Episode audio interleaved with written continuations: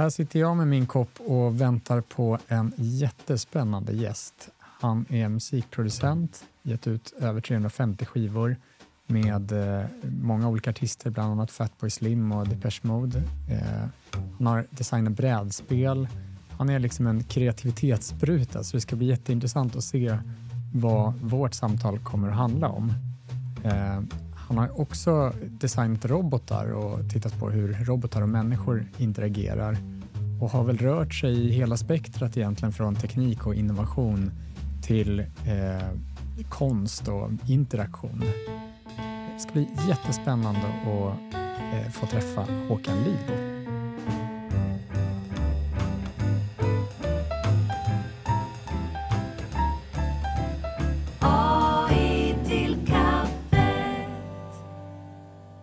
Kära lyssnare, jag heter Marcus Weiland och varmt välkomna till en AI till kaffet.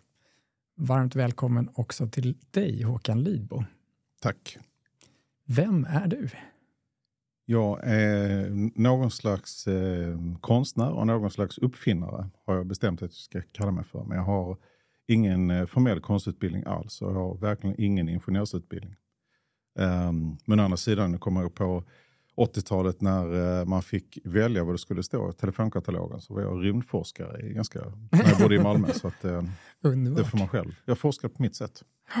Och hur har du kommit hit? Liksom? Hur, hur hamnade du här? För det är inte helt självklart att bli konstnär i gränslandet mellan teknik och människa, eller vad vi ska kalla dig. Nej, okej, okay, du menar inte hur jag hamnade i den här soffan, utan jag hamnade Nej, i det precis. jag gör just nu. ja. Ja, min bakgrund är musiker, så jag har gjort massor av skivor under många år. Elektronisk musik, um, mest house och techno som folk dansar till. Men mm. också massor av ljudexperiment, uh, ljuddesign. Jag har varit inblandad i Melodifestivalen några gånger. Jag har gjort uh, ganska mycket musik för uh, appar. Um, och så, men det hela började med att jag var musikproducent och reste runt i världen och, och spelade elektronisk musik. Och sen så um, eh, hade jag en studio då vid Karlaplan i Stockholm. Um, och vad ska man säga, jag har gjort så mycket musik så att någonstans så började jag tröttna på mig själv. Jag blev trött mm. på hur jag, att jag alltid, att det lät, inte för att det lät likadant utan um, jag blev liksom lite trött på det konceptet. Och sen så sammanföll det med att eh, det var en granne till mig som arbetade för något som jag tror då hette Arbetslivsresurs mm. och hade en en snubbe, några år äldre än mig, som eh, med eh, forskarbakgrund, men som eh, hade en del att brottas med personligen och som var arbetslös. Frågade om han kunde få praktisera där. Eh, och han var bra på att bygga grejer och koda. Eh, så gjorde vi det. Så en av de första prylarna vi gjorde var eh, ett tennisspel för blinda där man mm. spelar med ljud istället för en boll. Man spelar på en, liksom en fysisk bana mellan fyra högtalare och ett racket som har infraröda lampor som lyser åt alla håll och ett nät i mitten som känner av positionen av det här infraröda ljuset. En gammal Wii-controller faktiskt, mm. eller två stycken Wii-controllers, en på varje håll. Så simulerade jag liksom bollens fysik och så kunde man spela med ljud. Gud vad spännande. Var det så då också som man tänker sig att liksom blinda var väldigt mycket bättre på det här? Så var det. Den utvecklades delvis med unga synskadade och eh, ja, men framförallt om man spelar med folk som är födda blinda så har man inte en chans. Mm. Men det var också en tanke med det här spelet att eh, göra ett spel där den med funktionsvariationer blir bättre än den som mm. inte har det. Eh, men på något sätt så, eh, min bakgrund då att jag är eh, musiker och haft glädjen att arbeta med det mest storslagna musikinstrumentet som någonsin uppfunnits, nämligen datorn. Um, så tillät det mig att göra li liksom all musik. Så att eh, jag hoppade från en, liksom en genre till en annan hur som helst. Vilket var ganska vad ska man säga, irriterande för de, de, de få fan, då, eller några fan som, jag, som faktiskt gillar mina grejer. Ja, att de köpte en skiva, sen så nästa skiva var något helt annat. Men jag tycker att då får man vara mer uppmärksam innan man, när man är i skivaffären. Då måste man ja, provlyssna. För att, det var ju, för att det var framförallt eh, eh tidigt 00-tal mm. och då var det fortfarande en vinyl som gällde. Exakt. Och du har ju även skickat musik ut i rymden, eller hur? Absolut. Och det var en, en del av ett radioprogram som jag var med och startade som då hette Ström i P2, som nu heter Elektroniskt i P2. Det finns fortfarande. Um, och uh, ja, bland annat så var jag värd för ett inslag varje vecka där vi gav en uppgift för uh, musiker som arbetar med elektroniska musikinstrument. Och då tyckte jag att, uh, för jag gillar rymden och jag gillar Carl Sagan och tyckte det här Voyager-projektet som man då skickade iväg 74 eller 76 eller när det var. Mm. Eh, med de här två eh, sonderna med en plakett där det då finns en bild på en man och en kvinna och eh, jordens position i sol solsystemet. Och, och en guldskiva. Och en guldskiva, precis. Med massa så, musik och ja. valsång och vad det nu var. Precis, ljud och musik från jorden sådär med Chuck ja. Berry och Beethoven. Ja. Härlig eh, politiskt korrekt blandning. Ja, jag tycker det var himla eh, spännande. Um, så då tog jag kontakt med Svenska rymdstyrelsen så vi skickade iväg vår specialkomponerade musik från deras 13 meters teleskop i Kiruna. Häftigt. Jag hoppas mm. att det är några som diggar till det där ute i rymden nu. Ja, precis. Nu är det ju tyvärr väldigt långa tidsspann. Det är ju det. och sen är det tyvärr också att solen i sig ger ju ifrån sig väldigt mycket, mm. eh, ja, väldigt mycket radiovågor.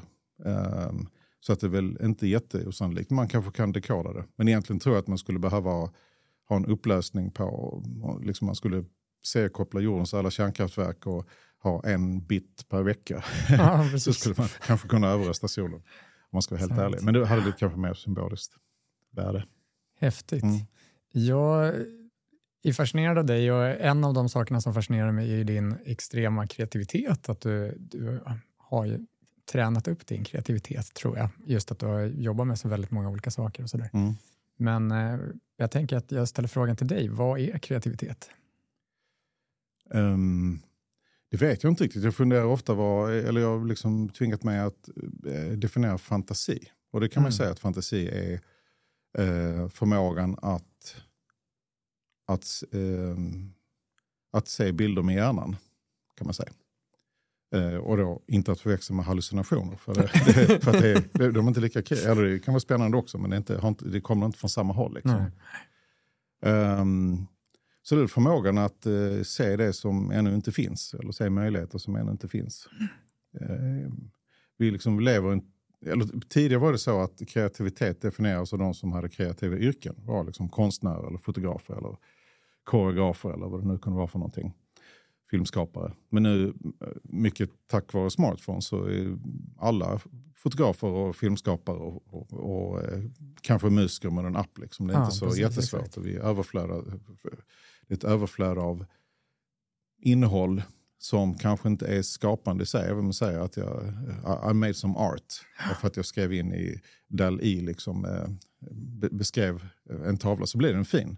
Men det var inte du som gjorde den. Nej, eh, eller jag har gjort en liten eh, gjort en house-låt här för att jag klistrat ihop några fyrkanter som appen har komponerat åt mig. Det, det är inte riktigt att vara kreativ det heller. Och framförallt så tror jag det är intressant när, när vi senaste halvåret har sett så många tecken på hur, eh, eh hur AI kan göra film som är kanske intressantare än vad vi själva gör. Och, eh, det som, och, och såklart text som är eh, djupare än vad de flesta människor kan skriva. Mm. Um, inklusive poesi, alltså det som vi kallar för liksom, högre konst. Ja, högre, liksom högre litteratur. Um, men det som chockar mig mest var det som heter Music LM. Mm. Um, när, när, som fortfarande är i, i sin linda, liksom, men att man, skriver, man, skriver, man promptar liksom vad ett stycke musik ska innehålla, sen kommer det ut. Och det känns ju att det, det kommer inte ta särskilt lång tid innan, innan en väldigt stor del av den musik som vi lyssnar på inte är människogjord. Uh, och, jag tror överhuvudtaget det som vi kallar för, tidigare kallat för, för konst eller kreativa uttryck kommer inte vara människotillverkat. Det finns ju någonting intressant i musik tänker jag. att om jag läser en bok till exempel som är skriven av en AI eller om jag eh, tar del av ett, eh, en oljemålning eller någonting som är gjord av en AI eller så, mm. så finns det inte på samma sätt en avsändare. Eh, och det finns ingen story bakom, inget lidande, inget vad det nu är som man vill associera med konstnären. Och, och mycket konst, särskilt fotografier, tycker jag är svåra att ta till sig om man inte, man inte vet vad är storyn bakom det här. Jag tänker på eh, Yoko Ono tog en bild på John Lennons glasögon direkt efter att han hade blivit skjuten med liksom mm. ett blodstänk på. Hade den där varit genererad av Midjourney eller någonting ser man ja, det är ett par glasögon med ett blodstänk på. Men att jag vet den här storyn och vem Yoko Ono är och mm. och deras relation och allting sånt där gör att det blir stor konst. Liksom. Ja. Men jag tänker att musik är lite annorlunda. Det går liksom rakt in i vårt undermedvetna på något sätt och man kan få väldigt starka känslor utan att veta någonting om vem det är som, som har producerat musiken eller hur den har producerats. Så det här är ju ett område där AI kanske kan eh, påverka oss väldigt mycket.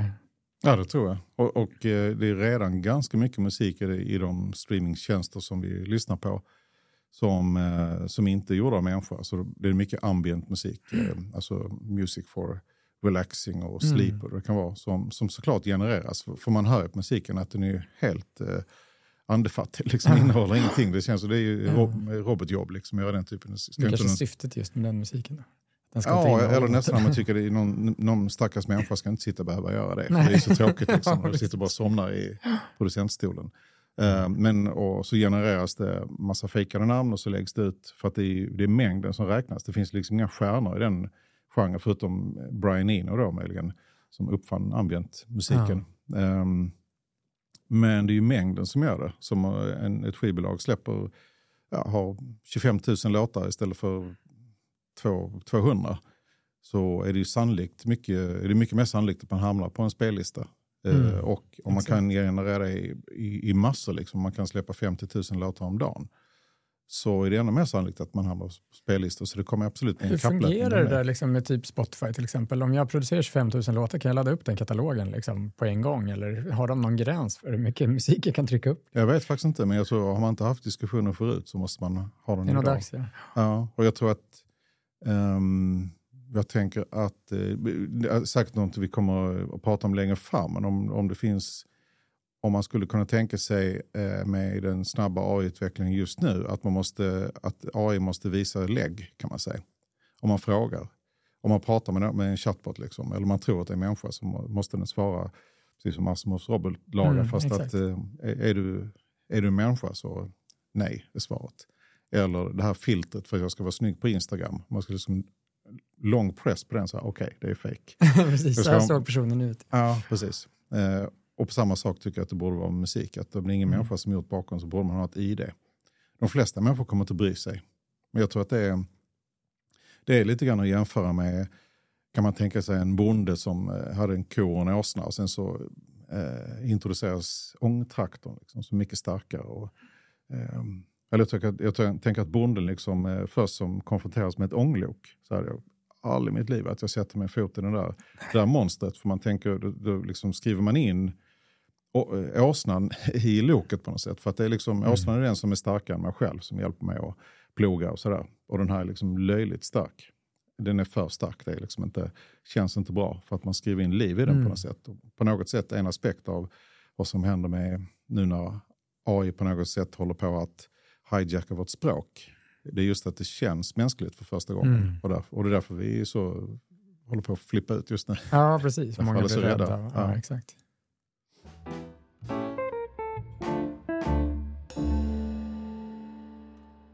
Jag tänker på, vi har pratat om eh, kreativitet och, och den här. Hur, hur tror du liksom att den mänskliga kreativiteten kommer att påverkas och utvecklas? Vi var ju inne på det lite grann, att, att eh, ja, massproducerad musik kanske gör att man, människor inte behöver producera den typen av musik, men det kan ju också tränga ut liksom, om, om alla, om det är 25 000 låtar gjorda av AI och en låt gjord av människor, kanske man inte hittar den. Man kanske inte upptäcker den här kreativa människan i... Nej, jag, jag är ju rädd att det... ehm, alltså, för ganska länge sedan så kom det eh, samplingsbibliotek som gjorde att man kan simulera en symfoniorkester. Det låter riktigt bra. Men kostnaden, och det är ganska dyrt, det kostar för att ett program kanske 10 000 spänn eller så. Men gissa vad det kostar jämfört med att hyra och repa med en symfoniorkester. billigare, Ja, precis. precis. Eh, men där blir ju liksom en riktig symfoniorkester, det är ju så här 90 personer som har ägnat typ 30 år i snitt att öva skalor. Liksom. Och så sitter de där och så spelar de här stycket på 15 minuter. Det är en otrolig lyxkonsumtion. Verkligen. Eh, Men det är inte det här, det här samplingsprogrammet. Även om det kan man, kan man också bemästra såklart. Det är en annan, ett annat uttryck. Det är så att för- förhoppningsvis är att, att, eh, att det som görs av människan liksom får, ett, får ett värde. Men jag tror innan dess så kommer vi nog att eh, nästa, så kommer vi drunkna i eh, AI-producerat innehåll tills att det är tills det är dags att upptäcka andra värden. Mm. Jag tänker att eh, det kan ju vara ett verktyg. Jag vet inte om du känner till Skygge som är någon norskt konstnärskollektiv tror jag de är, som har skapat musik där med olika artister tillsammans med AI. Och så där. Jag tycker det är någonting väldigt spännande i den där musiken och att eh, mycket, mycket mer intressant än att lyssna på AI-genererad musik. Men just mm. det här samspelet, att utforska någonting och kanske få en melodi till sig från en generativ AI som man inte hade kommit på själv, för den är lite skruvad eller skaver någonstans på något sätt som, som inte är riktigt mänskligt. Mm. Och sen bygga vidare på det och göra, göra riktig konst av det, eller vad man ska kalla det. Ja, absolut. Och, och eh, det märks ju mest i form av bilder, att det är liksom den, den typen av hallucinogena, helt knäppa bilder som, mm. Eh, som AI genererar är ju, näst, är ju bättre egentligen än Salvador Dalí. Um, ja, det blir så, verkligen drömskt. Ja, Eh, så att det finns eh, absolut uttryck där det kan vara intressant. Men jag tror att, och så kommer det helt, helt säkert att bli. Men jag tror att eh, majoriteten av, absolut största majoriteten av mänskligheten kommer att ganska snart lyssna på princip AI-genererad musik. För att det är snabbare och billigare och man kan få ut mer. Och den kan bli mer precis, den kan bli personifierad.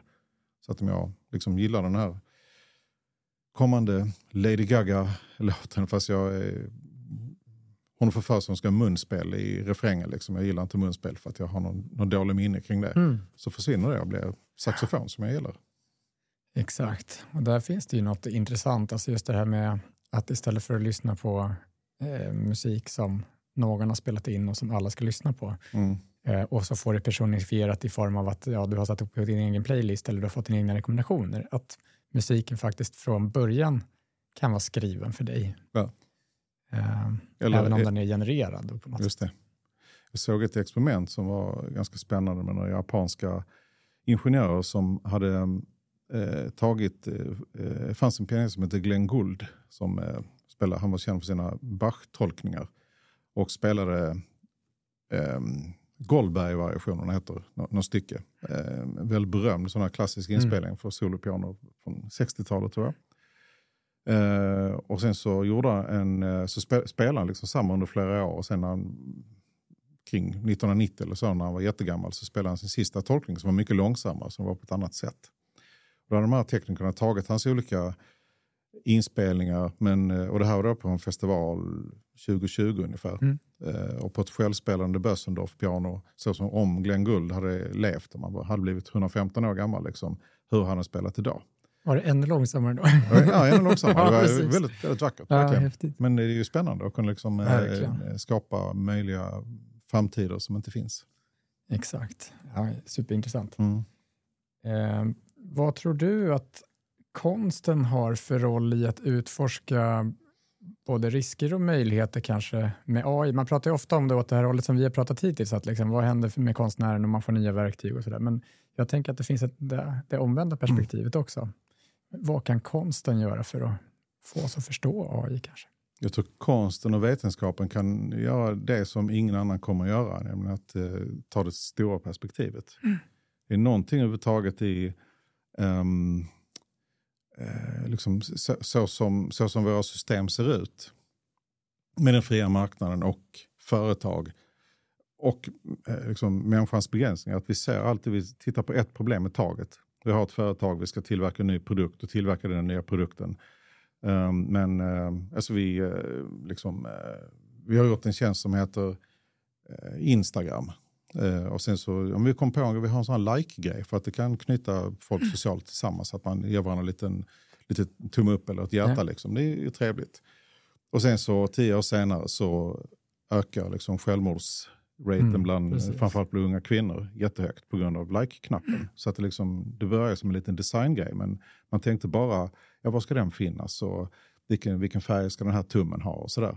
Mm. Um, men för att vi lever i superkomplexa system. Och människor är ju så, så som, ja, så som eh, alltså allting är ihopkopplat med allting. På ett sätt som ingen, ingen människa, eller kanske inte ens något AI någonsin, eh, mm. kan göra en modell på helt och fullt. Liksom. Men bara tanken att allting är väldigt komplicerat, det är liksom, den designprincipen finns nästan inte. Eller det perspektivet finns inte, utan vi löser det här problemet. Vi har en like-knapp eller vi, vi gör en, eh, en telefon med appar liksom, som blir vårt nya fönster Ja. till internet och plötsligt så blir det en massa folk ryggproblem och eh, trafikolyckor och liksom grejer som Exakt, är konsekvenser av det. Um, eller någon kommer på, ja vad bra, vi gör, en, vi gör en bil som, det fanns schyssta elbilar, vi gör en, en bil som, som går på bensin, bensin istället för mycket billigare. Och det är ju väldigt Mm. demokratiskt för det kan ju alla köpa en bil och liksom um, göra business och röra sig fritt. Så det är en fantastisk. Och där kan jag förstå ur det perspektivet att till exempel ett Black Mirror-avsnitt som utforskar en möjlig framtid eller Mm. en eh, science fiction-böcker eller så, där har ju konsten möjligheten att dra ut tangenterna och se ja, vad händer om vi har en massa like-knappar eller Ja, precis. Nej, men jag tror överhuvudtaget perspektivet, för att det är, konsten är ju ibland, vissa delar av vetenskapen har liksom eh, har, hel, har ambitionen att ha det hela perspektivet, eller ha så brett perspektiv som möjligt. Um, alltså mycket forskning tyvärr blir ju mindre och mindre för att ju mer kunskap vi Mm, precis. täcker desto mindre blir fickan av det som ännu inte är utforskat. Så att det ligger liksom ett problem med den strukturen också. Ehm, så att jag vill hävda att liksom det konstnärliga eh, perspektivet eh, eller, eller filosofens perspektiv är egentligen enda räddningen eh, om inte det här ska Mm. gå rent åt helvete. För att vi, vi måste lära oss tänka på att designa grejer, framförallt eh, hur vi implementerar AI eh, på ett helt nytt sätt. Um, alltså, en liten designgrej nu så finns det i, typ i eh, Snapchat. Så det är en AMI, AI, en sån liten Mm. kul liten grej som man kan prata med. Och som eh, eh, ja, om man testar liksom, vilket jag gjorde, så eh, kan den ju, eh, den dialogen kan liksom spåra ut helt och hållet. Och om man, ehm, alltså så på 50-60-talet så diskuterar man vad ska, vad ska vi visa på barn-tv? Och så fanns det ett regelverk för Mm. det. Som Youtube så finns det inga regler överhuvudtaget. Man kan kolla på vad som helst. De kommer på barnskyddet men det kan man ju klart komma kring. Och sen så får barnen en iPad så fort de gripreflexen. Exakt. um, och nu så, Samtidigt som och, nappen. Liksom. Ja, och sen så eh, liksom eh, Snapchat som framförallt unga människor använder sig och kommunicerar. Nu ska de ha en AI. Eh, och, och varför det? Jo, för att alla har det. Det är inte så att någon Mm. designer har tänkt att okej, vad, vad är liksom den stora konsekvensen av det här? Ska barn liksom växa upp att prata med den- denna syntetiska entity? Eh, och vilka såg- implikationer kommer det ha? Jag såg ett exempel Mm. just uppe med Snapchat AI som har cirkulerat en del med en eh, journalist som låtsas vara en 13-åring, en 13-årig tjej och hon Mm. som säger då att hon ska ha en dejt med någon kille som är 30-årsåldern och Mm. får eh, eh, liksom tips om, eller hon, hon ber om tips, ja, men vad ska jag tänka på till den här Mm. dejten och sånt där. Ja, men får lite liksom, tips av den här AI och sen så säger hon att ja, men vi kommer förmodligen att ha sex liksom, för första Mm. gången, vad ska vi tänka på och så där. Och den ger liksom lite tips om du kan tända Mm. ljus, eller den säger i och för sig, du ska inte göra någonting som du inte vill, men Mm. kan ju tända lite ljus och sätta på eh, trevlig musik och sådär. Mm. Det är kanske inte riktigt vad Nej. ett barnprogram på 60-talet i alla fall hade släppt igenom tror jag. Nej. Och det, är- det är ju nu, det är liksom några veckor gammalt. Så Exakt. vad, vad har det för konsekvens att, eh, att redan, för så kommer det bli, att redan små barn kommer ju eh, till största delen ha en syntetisk barnvakt. Mm. Att prata med en, en eh, barnvakt som, som inte finns. Och eh, så jag tror att nästa generation kommer, kommer växa upp med till stor del uppfostrad av AI. Ehm, för att vi bara stoppat in, för att vi, vi har inte råd att inte ha den här funktionen i, i de eh, verktyg som barn använder sig för att kommunicera med. Så eh, lycka till. Ja, precis. Ja, Jag känner mig lite orolig ibland faktiskt. Jag är ju Mm. själv en åttaåring och en fyraåring. Ja. Men eh, vill man läsa en bok på det där temat så kan jag bara tipsa om eh, The Diamond Age som handlar om en eh, tjej i underklassen i framtiden någonstans som får tag i en sån här AI-bok som uppfostrar henne till en Mm. framgångsrik ledare. Liksom. Hon, hon Okej. snor den från någon familj. Det är en Jaha. ganska spännande bok. Mm. Ja, kul. Eh, vi pratar ju lite om det här med algoritmer och sånt och att vi blir mer och mer styrda av algoritmer. Och det är en algoritm som väljer vad vi ska lyssna på för musik och vad vi ska vad heter det, se för film med, på kvällen och vad våra barn blir uppfostrade med och så vidare. Mm. Vad har du för några tankar kring det där? Um, nej men, ja, vad för tankar kring det där? Um, och så, vi- har ju på något sätt redan gjort oss eh, till algoritmer genom att vi ger bort så mycket data med oss själva. Och att eh, ju mer data vi ger bort desto mer bekväma blir våra liv för att valen som vi, eller förslagen som vi får blir, blir mer exakta. Eh, så att det för oss att eh, utan att vi vill det blir mer förutsägbara eh, och mer likadana över hela världen. Mm. Så att om, om alla använder samma alla handlar på eh, Amazon eller Alibaba och alla kommunicerar via Facebook eller Insta eller vad det kan vara för någonting. Eh, så betyder det att vi alla vill se likadana ut och eh, alla vill ungefär samma sak. Ehm, ehm, kanske när det gäller liksom, politisk åsikt så är det ju lättare, ehm, lättare om vi är polariserade. Om vi är extremt höger eller vänster så blir vi lättare att alltså, Profilera. Alltså, Ja, men det är lättare att identifiera liksom, om alla vore någonstans i mitten. Fast som, ja, i de frågorna så tycker jag lite så och de frågorna tycker jag lite så. Man är, det, så är det väldigt svårt och väldigt komplext att övervaka. Så att, eh, det är inte så att det finns någon, någon eh, konspiration bakom. Men det är liksom algoritmen som, som vi lever med som gör att vi på ganska kort tid har förändrats. Mm. Att, eh, liksom det mänskliga samspelet är ju bara det att vi, att vi människor nu alla har kontakt med varandra. Det är liksom, det är inte, inte många årtionden alls. Och, och det var verkligen inte länge sedan nästan alla människor på jorden, eh, eller väldigt stor del av människorna på jorden bodde där de i princip bara träffade sin familj. Och sen så fanns det en annan familj en kilometer bort, liksom, i en annan gård. Så bodde nästan alla. Och ens eh, förståelse av världen var liksom den här gården och den skogen. Så att vår subjektiva värld var liksom inte särskilt klart det är komplext, att vara bonde är inte lätt, men liksom det var, var ganska begripligt. Det vi såg liksom var eh, hanterligt. Och sen så under väldigt kort tid så har vi alla, så flyttar vi ihop och sen så eh, är alla sammankopplade. Så att vår subjektiva värld är ju skulle tro en triljon gånger mer komplex än, än, än bondens. Vår hjärna är, äh, har inte utvecklats. Det finns tecken på till och med att äh, som 70-talet, att åtminstone i norra Europa, att vi blir något mindre smarta år för år. Kopplat först med miniräknaren och sen, sen med, eh, med Google och gissa vad som händer nu med ChatGPT. ja, precis. Vi lär ju inte bli smartare. Nej. Och det är, det är kanske okej, okay. det kanske inte är vårt öde mm. att vi skulle bli smartare. Vi kanske skulle bli smartare tillsammans, men det verkar inte gå åt det hållet heller. Men är, så att, utan tvekan så har, eh, har att vi anpassar oss efter algoritmerna som ska vara, vara tjänare, liksom, det är väldigt tydligt. Jag tycker ju en, en reflektion på det är ju att man pratar ju ofta om AI som nyckeln till att personalisera sina tjänster och göra dem mer individanpassade. Mm. Och att liksom möta människor där de är, i de kanaler där de är och, och liksom på det sättet som man vill bli bemött. Men eh, effekten kanske inte riktigt är den att, att vi får en väldigt individuell interaktion, utan snarare att vi får någon slags konformitet eller att man liksom samlar ihop människor i grupper och konsumerar samma varor. Och även om det kanske finns flera grupper så är de inte, inte så jättekomplexa, då, de här bilderna av människan. Och vi försöker göra oss enklare att förstå för algoritmen, ja. för att passa in i någon av de här mm, grupperna. Mm, mm. Perspektivet som är misstaget som man gör hela tiden, att man tänker att det är, det är algoritmen, det är AI, det är ChatGPT som är, som är farligt i sig. Det är ju det är helt ofarliga tekniker. Det är det som är, ehm, alltså det, det, är, ehm, det bekymrande det är inte att, eh, att AI blir allt liksom, bättre på att vara människa, utan det är att vi människor blir mycket sämre på att vara människa. Och det nu innebär.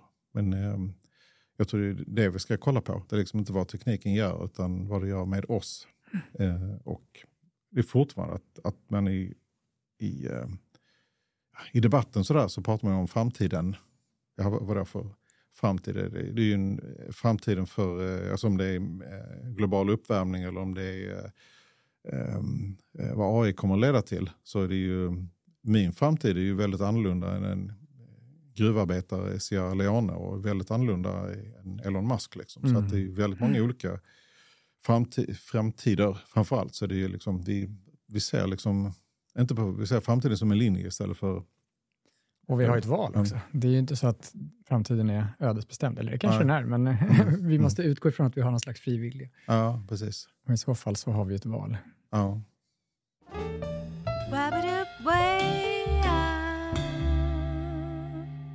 Vi på Savantic och du hade ju ett samarbete där vi mm. gjorde någonting på det här temat som vi kallade för Unpredictability Lab. Kan du berätta lite om det?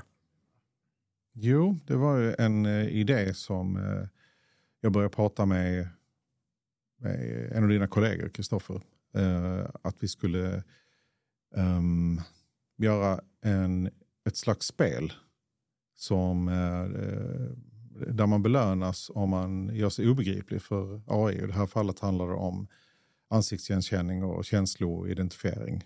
Så att, eh, då eh, satte dina kollegor, då, eh, framförallt Pontus och Kristoffer, mm. ihop ett eh, system som ehm, identifierar de sex grundkänslorna och uppskattar ålder, vilket kön och vilken ras man tillhör. Så fick man det levererat som siffror i realtid.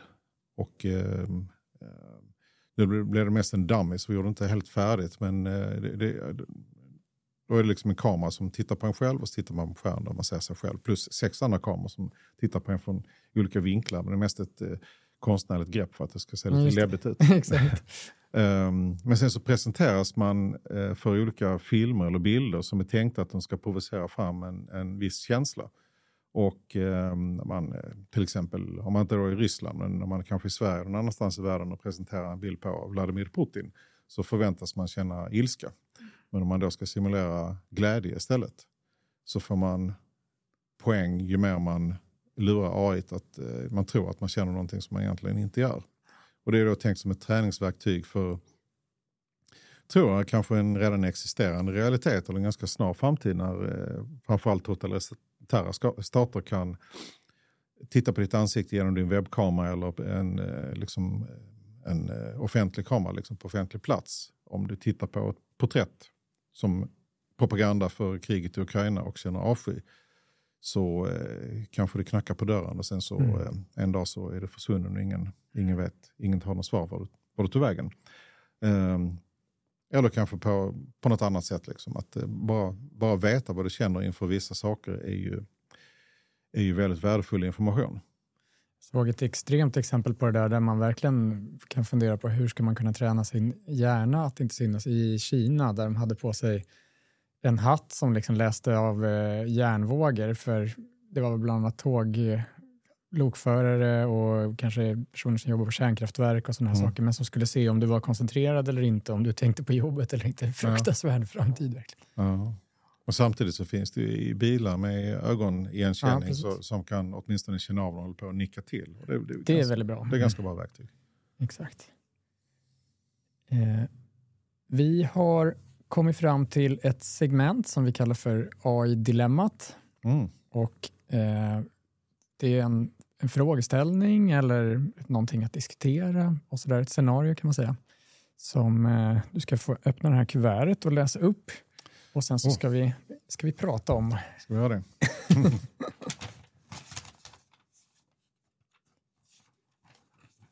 Vinnaren är då. Um, robotar leder till mindre mänsklig service. Det är rubriken då. Du är ansvarig för interaktion mellan robotar och människor på Skylark Holdings. Ett företag som äger och driver 2000 restauranger i Japan. Under pandemin genomförde Skylark en stor satsning på robotservitörer. De är svart och vitmålade eh, robotar som har hjul, brickor som rymmer mat för ungefär fyra gäster och en digital ansiktsdisplay där robotens kattansikte visas. På restaurangerna beställer man vid bordet via sin telefon och roboten bär ut maten och hämtar disken. En utvärdering visar att antalet steg personalen behöver gå halverats under de mest hektiska timmarna. Robotarna har varit uppskattade under pandemin och det har varit väldigt få negativa synpunkter från gästerna. Nu har det dock börjat komma rapporter från restaurangcheferna om att restaurangpersonalen inte längre är lika artig mot gästerna. Och vissa medarbetare uttrycker att de inte längre eh, känner sina stamgäster. Vad gör du som ansvarig för interaktion mellan robot och människa? Det här scenariot är nästan riktigt. Alltså Skylark finns på riktigt. Jag har varit på de här kaféerna med kattrobotarna som kommer ut och serverar och hämtar disken och, mm. och sådär. Eh, jag vet inte exakt vilka reaktioner som, som har kommit, men låt oss säga att du är i den här rollen. Vad skulle du göra som har jobbat mm. en del med människa och robotinteraktion kanske. Ja, um, alltså det som jag har gjort i nästan alla robotprojekt är att jag har försökt, eh, eh, eller inte jag, utan jag och kollegor har försökt göra, försöker tillskriva robotar en personlighet som inte är den här Siri eller, eller Hey Google-tanten liksom, som bara är korrekt. Mm. Och som, eh, som, som alltid, ungefär som man hamnar på liksom, vid middagsbordet vid någon sån tråkmån som, som bara är socialt helt korrekt men det fin, finns liksom ingenting där. Eh, så då har vi istället försökt göra robotar med inbyggda funktionsvariationer. Så att vi tänker från början att de är autister. De har eh, eh dålig hörsel, dålig syn och dålig navigation, alltså inget lokalsinne och sådär. Om de vore människa så skulle de helt klart vara sjukskrivna eh, på något eh, eget boende och, och sådär. Kanske snälla och absolut kunna göra enkla sysslor men inte, eh, ändå med mycket utmaningar. Eh, och tanken då kring, har varit kring det att om vi inte ger dem personlighet och låter robotarna bara vara liksom, som helt mekaniska eh, så finns det en risk för framtida robotrasism. Eh, att man börjar kalla dem för R-ordet. Mm. Eh, som eh, snart kanske inte är okej. Jag vet inte vad R-ordet är, men, eh, men man får inte säga det i radio i framtiden. Exakt. Så, så jag tror att problemet är att i det här fallet kanske för att deras robotar är väldigt sakliga och så. Mm. Och när de har varit några gånger så först är det lite kul och man kanske kallar dem för någonting och sen blir det bara rutin och då så är det ungefär som att ha slavar. Vi har ingen respekt för dem alls. Mm. Och robotarna skiter i vilket, för de är bara maskiner. Mm. Men återigen, AI skiter i vilket, men det är, det är vi som blir sämre. Precis, personalen mm. kanske påverkas av det där. Ja. Att... Ja, men jag tror att gästerna eh, liksom lär sig att man behöver inte vara artig mot en robot. Man är det först för att det är lite kul. Men sen så är det bara den där jävla maskinen. Och sen mm. så börjar man bli elak mot den. Liksom. Mm. Så fort den gör det minsta lilla fel så skäller man på den. Ungefär som man hade en slav. Och när de, om någon sån återgår delvis till mänsklig servis så får de höra samma skit. Mm. Det är spännande. Och vad skulle mm. man göra som robotföretag? Då? Du tänker att de skulle designa personligheten på något sätt så att den här roboten visar svaghet eller Absolut. visar någon... Ja, visa att det, det, det, är inte lätt liksom, att göra mitt bästa. Ungefär som det står intern eller sådär. Ja, precis. Ny på jobbet. Eh, Jag tyckte det var intressant att de hade valt just den här kattpersonligheten, att den sa mjau liksom efter att den hämtade, hämtade ja. mat och sånt. Jag vet inte, det är inte direkt, jag vet inte om det gör att man får en mänskligare koppling till dem eller inte. De hade sin lilla skärm där med mm. en animerat kattansikte. Ja, nu har du mycket mer inblick i japansk kultur än vad jag har, men jag förstår att katten är ju nästan helig som Egypten, fast på ett annat sätt. Ja, det, kanske, ja, det kanske fanns en tanke bakom det. Liksom. Mm. Um, jag tycker det är helt riktigt att det, att det inte ska vara ett människoansikte för då blir mm. det ju otäckt. Men jag tänker också att det är eh, kreativitet, fantasi. Liksom. Om vi nu ska tillverka en ny typ av eh, livsform som, som de kanske snart kommer att kännas som, även de mobila robotarna. Så varför måste de vara en kopia på oss själva? Mm. Vad är det mm. för anledning? Jag menar om... Eh, ja, um, Måste de ha ett ansikte? Måste de ha ett ansikte, precis. Och måste de ha... Eh, eller, evolutionen i sig på jorden är ju väldigt komplicerad. Liksom. Om, man, om man skulle extrapolera den några, några miljoner år så kommer det helt säkert dyka upp massa andra spännande livsformer. Nu när vi har möjlighet att liksom vara eh, del i ja, man kan säga det, är det typ tredje största från att vi blir mångcelliga tills att vi blev mobila och sen så nu så att vi har en artificiell livsform. När vi har den möjligheten för varje sån här hopp evolutionärt så har det uppkommit liv som var helt knäppa. Liksom. Som på vet det, kam kambriska explosionen 250 mm. miljoner år sedan så var det varelser med fem ögon och liksom helt, helt eh, knasiga. Liksom. Från att det mest var ett plankton som simmar runt. Eh, Eh, inte på ett kick, men eh, relativt kort tid evolutionärt. Mm. Och nu har vi möjlighet, liksom, um, ungefär som på, kambiska, på kambium, liksom, vad kan vi komma på? Då? vi har en jättestor alg. Liksom. Det, det, evolutionen var ju smartare än så. Ja. Så därför så fick vi de här knasiga djuren. Varav något till en trodde arkeologer hela tiden att det var, att det var upp och ner. Liksom. Så kom man på att ah, vi vänder på det andra hållet för att den ser ut som det är ben, men det är något annat. Liksom. Så vi har ju möjlighet att att designa grejer som är jättefantasifulla. Och vi, på samma sätt som man, jag menar om, jag, om man skaffar en hund, alla som har haft en hund inser att hundar pratar inte svenska eller engelska, de pratar ju hundska. Och då får man ju, det är inte jättesvårt att lära sig. Man förstår när de är glada och snälla och man har liksom en väldigt bra kommunikation fast vi inte pratar samma språk. Så det finns ingen anledning att de ska prata svenska eller japanska. Man får, det får vi lära oss. Precis som Luke Skywalker pratar ju R2D2. Mm. R2D2 borde kunna prata engelska men de pratar bara R2D2. Man kan bara vissla. ja, precis. Men det går utmärkt att sig det. Man bara hänger med en R2D2. Ja. Det är hans gamla kompis som man växte upp med. Exakt. Nej, men det är något intressant och jag tycker AI har ju en fantastisk möjlighet att kanske få oss att förstå andra, alltså en Google Translate för valar eller delfiner eller vad det nu kan vara för någonting. Mm. Gör att vi kanske kan förstå vår omgivning ännu mer. Uh, jag läste någonstans att delfiner har 500 olika ljud. Liksom. Mm. Någonting är det ju de framför med det där i alla fall. Ja. Även om inte vi har 100% förstått vad. Alltså. Nej, jag tror att, det, att förstå eh, liksom andra varelsers språk, det är jag ganska övertygad om att, att de har. Jag menar, eh, vi vet ju att, eh, jag tror att vi, vi har fått schimpanser att lära sig flera hundra människoord. Mm. De, de, kan inte, de har ingen talapparat så de kan inte säga, men de kan trycka på knappar och vet mycket väl vad det betyder. Vi människor har lärt oss, först på, ganska nyligen så har vi börjat studera deras språk. Och vi har lärt oss kanske 20 eller 25 ap, apord. För det finns också. gester och sånt. Det är gester framförallt. Ja, men det är också ett språk. Och jag är helt övertygad om att delfiner har ganska rikt språk. Men jag tror också att det är att språket är ju, eh, det kommer ur miljön. Liksom i, uh,